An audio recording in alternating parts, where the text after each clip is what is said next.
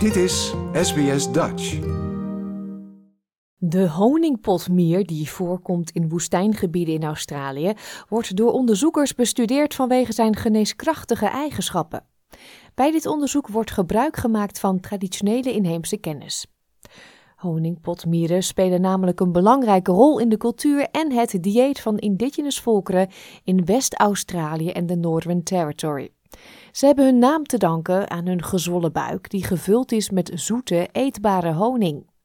Voor Danny Ulrich van de indigenous gemeenschap van Chupan zijn honingpotmieren altijd al een deel van zijn leven geweest.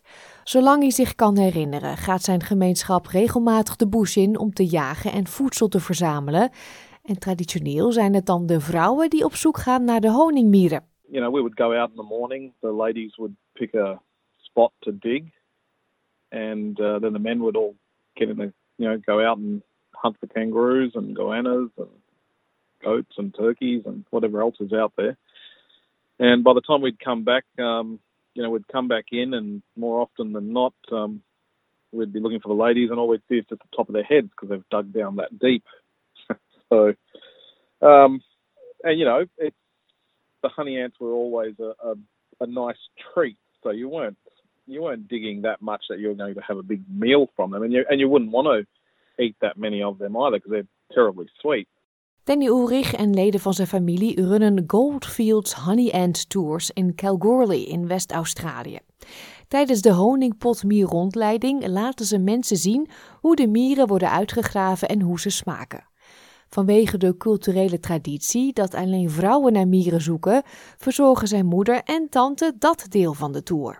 I do go out on the day. I also do the food and stuff for the tour. But the ones that do the heavy lifting and the digging, it will be my mother Edie and Auntie Marjorie. Um, and yeah, those without those ladies, it'd be not getting done at all, really. Meneer Ulrich en zijn familiebedrijf hebben ook onderzoekers van de Universiteit van Sydney geholpen bij het verder onderzoeken van de geneeskrachtige eigenschappen van de mieren.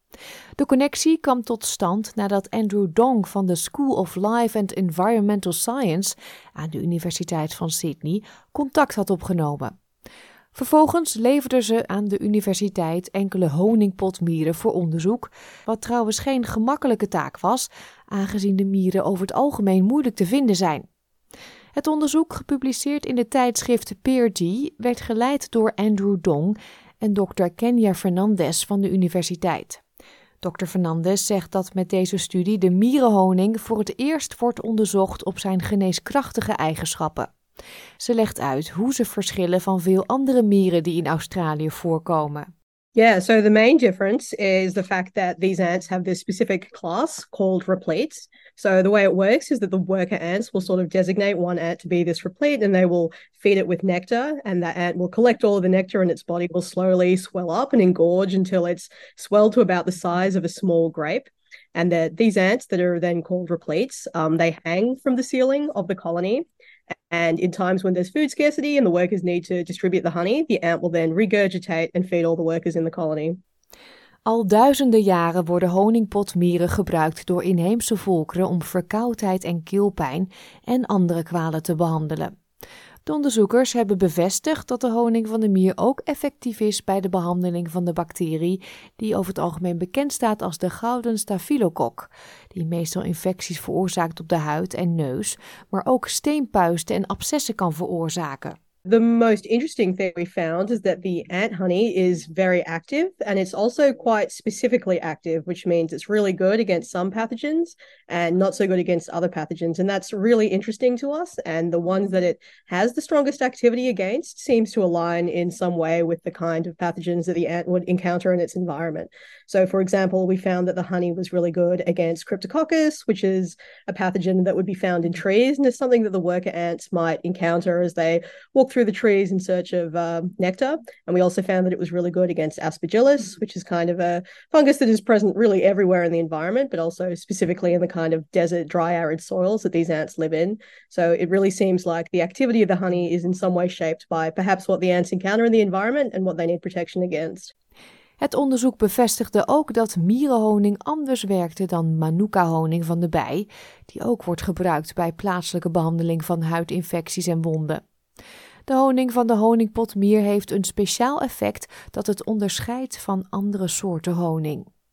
Dit betekent dat de mierenhoning verbindingen zou kunnen bevatten met belangrijke antimicrobiële eigenschappen. Wat de volgende stap is, valt volgens professor D. Carter, ook van de School of Life and Environmental Science, nog te bezien. Well, we don't know what the magic ingredient is yet, so we haven't been able to progress that that area of research yet. Um, so no, we don't know if we can, but if um, we would hope that if uh, we were able to de- to determine exactly what it is, that it might be something that we could make, or uh, really our colleagues in chemistry um, could make. Um, but at the moment, we have no idea what it is, so we don't know how how easy or hard that would be. Dit was een verhaal van Peggy Kiakoumelos voor SBS Nieuws in het Nederlands geproduceerd door SBS Dutch. Like, deel, geef je reactie. Volg SBS Dutch op Facebook.